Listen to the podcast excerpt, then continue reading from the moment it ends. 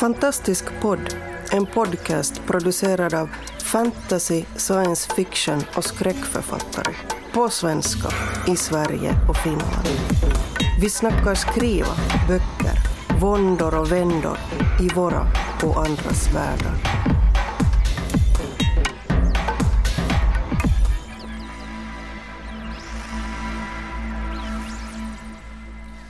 Idag så är vi tillbaka i Malmö.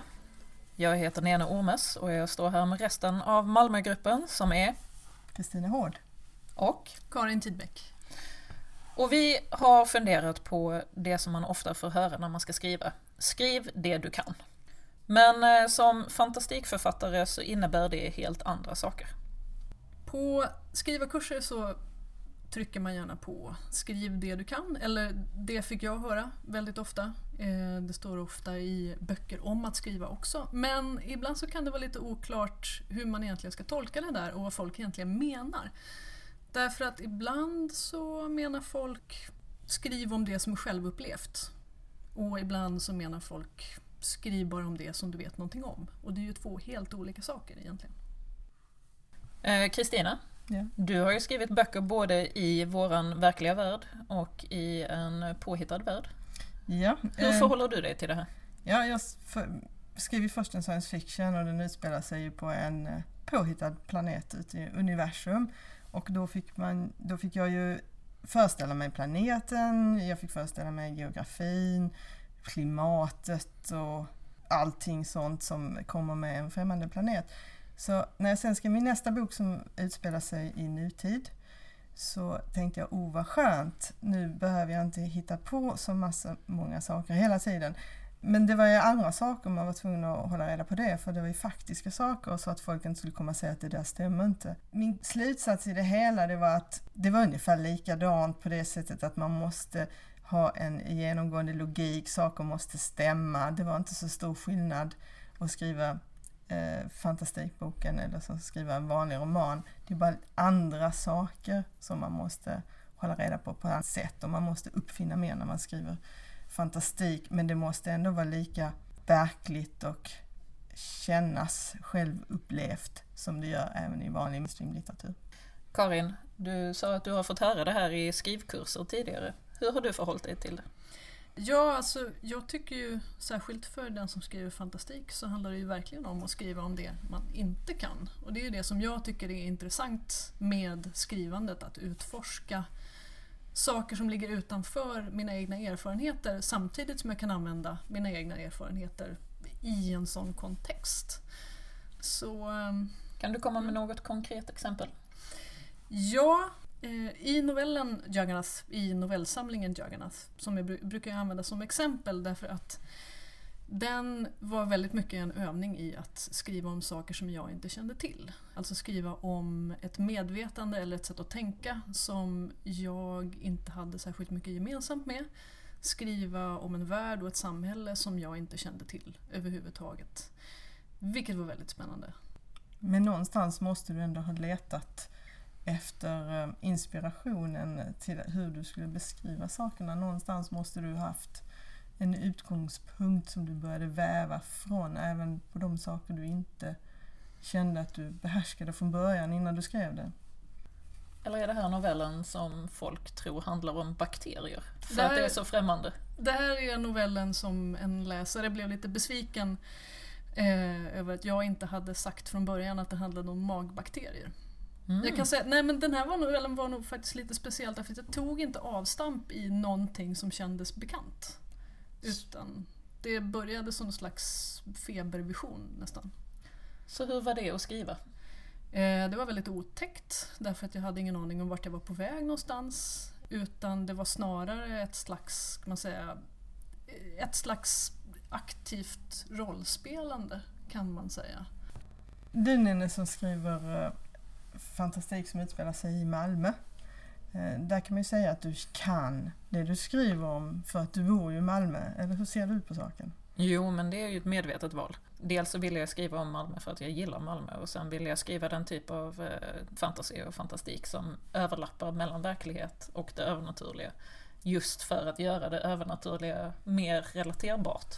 Så att det ska finnas tydliga drag av den verkliga världen och att man då köper det övernaturliga mer.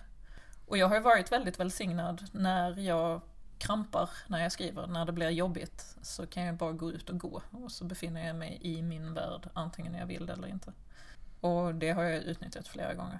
Och sen så är det praktiskt när man ska plotta ut saker också. Slutstrid, hur lång tid det tar att springa mellan platser. Så på det sättet skriver jag ju vad jag kan. Men med fantastik så innehåller det ju annat också. Fast man kanske också då ska eh, tänka på att även eller vi som, som skriver sån här litteratur får ju ofta den här frågan hur man kan komma på allting och så. Men även andra författare i andra genrer som då inte räknas till vår genre, de skriver ju också om sånt som de faktiskt inte vet. Eh, deckargenren eh, skrivs ju av många som inte själva är poliser eller kriminalare. Och det är liksom nog lite fel att tänka på att det är skillnad på litteraturerna på grund av att det ena är fanta bara fantasi och det andra bara någon sorts nutidsvariant.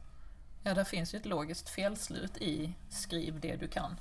Som kommer av att man då säger skriv bara det du kan. Och där brister det. Men jag tror vi alla tre menar att man kan använda det man kan och det man har känt och upplevt till att extrapolera och göra nya saker med i fantastiken istället. Jag har hoppat fallskärm till exempel. Jag vet inte hur det känns att flyga, men jag vet hur det känns att störta mot marken. Och då kan jag använda den upplevelsen när jag ska skriva om flyga, till exempel. Jag, eh, I Alba så har jag, beskriver jag en del av landskapet och det är egentligen Österlen på våren. Ja, listigt. Men eh, alltså, jag vill ju inte mena att man måste hoppa fallskärm för att kunna skriva om att flyga. Det finns ju alltid möjligheten att fråga någon annan. Någon som har hoppat fallskärm. Eller flugit med skärm ifall det är den typen av upplevelse man vill åt. Eller så kan man titta på en video av någon som har hoppat för att få den upplevelsen. Det finns ju massor med olika sätt att göra research. Har någon av er gjort verklig research för fantastikändamål? Karin? Mm. Ja, jag kan prata lite om researchen som jag gjorde när jag skrev Amatka. Bland de saker som jag behövde ta reda på där var dels eh, en del medicinska fakta Eh, och sen också lite praktiska fakta. Eh, bland annat så var jag tvungen att ta reda på hur man gör när man gräver ut tunnlar under en stad. För det har man i Amatka, man bygger en eh, svampodling under stan. Det är bara det att man har inte dagens teknologi så då fick jag faktiskt ta och intervjua en byggnadsingenjör som var väldigt snäll och svarade på frågor om hur man kan ta reda på var berggrudden ligger till exempel i förhållande till markytan och vad man använder för att gräva sig ner och så vidare. Och så vidare.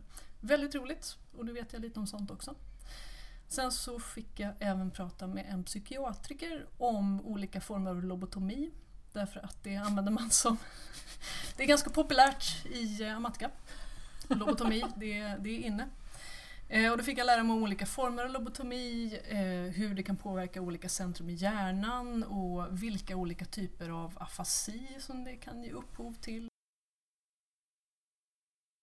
Afasi, alltså att man saknar, att man får problem med eh, språket på ett eller annat sätt. Till exempel att man inte kan uttrycka ord längre, man kan höra dem i huvudet men man kan inte uttala dem eller att man inte förstår vad folk säger och så vidare. Väldigt spännande. Och så fick jag också ta reda på saker som hur folk ser ut när de har drunknat och annat, andra lite mer morbida saker. Mm. Som om inte lobotomi var morbid nog, men eh, så är det. Det var ju den typen av bok. Det var den typen av bok. Kristina, du då? Eh, ja, jag eh, har faktiskt brevväxlat med en tågvärd för att få reda mer om en tågsträcka som hon jobbade på. Lite om tunnlar och hur det såg ut och sådär. Och eh, sen så funderar jag på, men jag har faktiskt inte riktigt vågat än, men jag tänkte att jag skulle åka ut i skogen och sätta mig där en hel natt alldeles själv. Bara för att liksom se vilka känslor det skulle framkalla och eh, vad man egentligen hör mitt i natten i skogen. Men jag har som sagt inte vågat det för jag vet att det är väldigt läskigt att sitta i bäcken alldeles själv. Men jag kanske kommer dit. Sommarnätterna är ju lite kortare. Så du kan skrapa av en halvtimme här och där. Gör ni som jag att ni spar på människor som har spännande saker att berätta eller intressant kunskap? Att ni gör som en intern databas av personer som kan ge er information när ni behöver den? Ja, inte formellt men i huvudet Ja. så har jag ju en, eh, en hoper människor som vet spännande saker, absolut. Ja, jag menar det rent intellektuella kartoteket. Men, Ja, precis. I det intellektuella kartoteket där bor det en massa spännande folk. Också att eh, om man snubblar på någonting och läser om någonting som någon skriver om egna erfarenheter som har varit med om något speciellt så kan jag tänka att jag har det kvar och jag kan alltid om jag vill någonting så kanske jag kan hitta det. På den tiden som Live Journal var någonting man sysslade med på nätet så fanns det en Live Journal om eh, hur saker känns. Allting från eh, blindtarmsoperation till brutna fingrar till just eh, hoppa fallskärm eller andra saker. Jättebra. Otroligt spännande. Jag vet faktiskt inte om den går att hitta fortfarande men jag läste den med stor glädje då. Jag kommer också på mig själv med att analysera och spara hur saker känns nu. Ja. Alltså nya upplevelser eller minnen och så vidare. Att jag kan stå och bita ett äpple och komma på mig själv med att registrera typen av äpple, hur det smakar, hur det doftar. Bara för att jag vet att någon gång kanske jag måste prata om äpplen. Mm. Man blir observatör av verkligheten i många fall, att man faktiskt lägger saker på minnet som man aldrig skulle bry sig om annars. Man, hur man kan se saker på stan och sånt där och tänka, ja men det där, det där kanske jag kan använda någon gång och små detaljer och sånt man plockar till sig. som man kan. De tillfällen som jag undervisar eh, om skrivande eller pratar om mig själv och mitt skrivande så använder jag aldrig skriv det du kan. Men jag pratar mycket om eh, empatisk observation. Både att man ska känna det man tittar på, man ska lägga det på minnet och att man ska försöka föreställa sig hur andra har det i de situationerna och lägga det på minnet. Och så observera så mycket som möjligt så att man ska, kan använda det senare. Min rollspelsvurm kommer ju in här hela tiden. Eller ja, jo men faktiskt därför att mycket av rollspel handlar ju om att sätta sig in i en annan människas perspektiv. Eller människa, eller annan intelligent varelses perspektiv. Eh, och det är ju vansinnigt nyttigt. Just för att kunna sätta sig in hur eh, sätta sig in i hur tänker min romanperson? Eller hur tänker min antagonist egentligen? Och på så sätt så kan man ju komma fram till mycket mer realistiska personligheter istället för att beskriva dem utifrån. Som många ofta gör istället för att försöka få ett inifrån perspektiv. Ja, mänskliga relationer och mänskligt beteende är ju någonting som är allmängiltigt. Och man ska ju aldrig underskatta inlevelseförmågan som, som eh, författare. Det är ju en av våra, nu säger jag våra generellt och pekar på oss allihop, eh, de saker som vi strävar efter så är det ju att porträttera människor som faktiskt inte finns. Som inte har gjort saker på riktigt och man ändå vill visa dem i sin litteratur. Troll, Mm. och med människor så menar jag people. Mm. folk oavsett Mm. folk av vilket slag. Och att man då ska kunna prata om andra kön, andra läggningar, andra politiska åsikter, andra värderingar än de man har själv. Och ta det från verkligheten. Precis, så i, I vilket fall så försöker du beskriva en annan person som är av en annan sort än dig själv och gör det utifrån så är ju det dömt att bli exotisering till exempel. Så det är inte så stor skillnad på människor egentligen inuti utan man måste låta dem bara vara mänskliga. Eller det man vill ha fram om de är icke-människor istället för att lägga etikett eller tillskriva dem utseendet som att det är det som definierar dem eller hur de uppför sig utan istället faktiskt kanske vad de gör och vad de känner och vad de säger. Och då är vi ju tillbaka till empatisk observation och research. Och om vi flyttar oss från mänskliga relationer och mänskliga beteenden till faktiska saker, upplever ni att ni blir utsatta för beviskrav? När ni gör er research, eller ska visa vad ni har tagit reda på i litteraturen? Jag kan väl känna så att eh, kanske till viss del, eh, men jag tror att eh, i och med eh, min tredje bok nu så har jag nog kommit fram till att jag som författare måste tänka att nej, det här, jag gör som jag vill och jag vågar skriva om det här och jag, jag gör det fastän jag inte eh, kan visa utmärkelser eller betyg eller att jag kan ett visst ämne eller sånt eh, som man ofta kan snubbla på kanske när det är science fiction. Mm, alltså jag, jag upplever att jag utsätts inte för beviskrav när jag skriver sånt som liknar fantasy till exempel. Eh, däremot så har jag fått gliringar när det gäller saker som utåt sett ser ut som science fiction.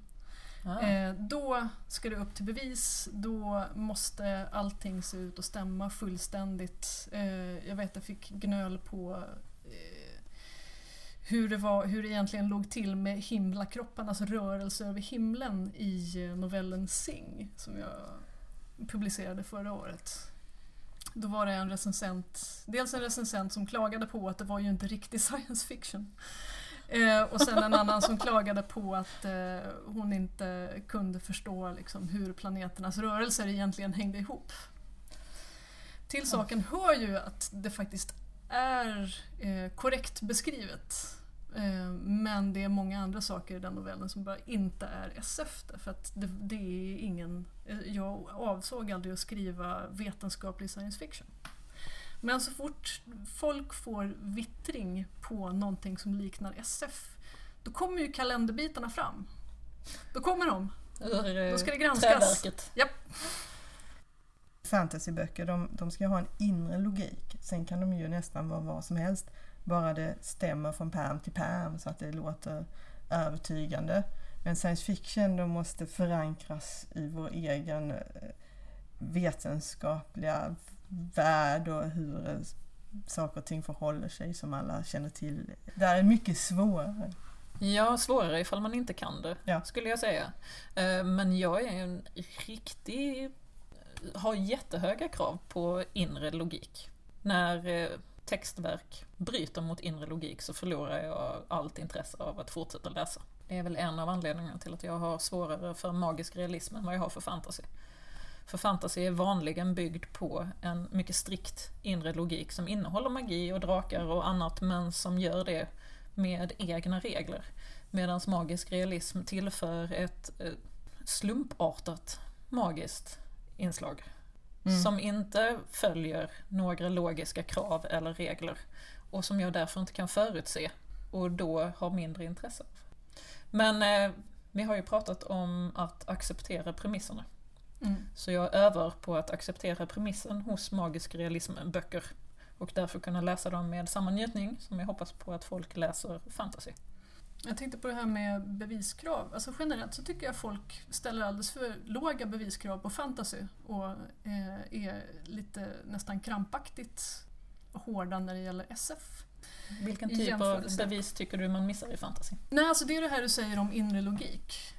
Att eh, folk, jag, jag tycker att författare lite väl ofta kan komma undan med eh, bristande intern logik därför att boken eller berättelsen i fråga har fantasypyjamas på sig. Eh, och jag är lika allergisk som du är mot bristande inre logik för jag tycker att om författaren lägger upp en premiss, jag kan ta vilken premiss som helst, alltså det kan vara hur bisarrt som helst, men då har ju den här författaren ingått en överenskommelse med mig, med läsaren.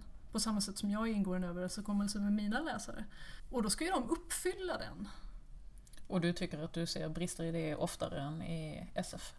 Nej, eh, jag tycker snarare är det väl så att jag tycker att folk är lite väl snälla när det gäller fantasy.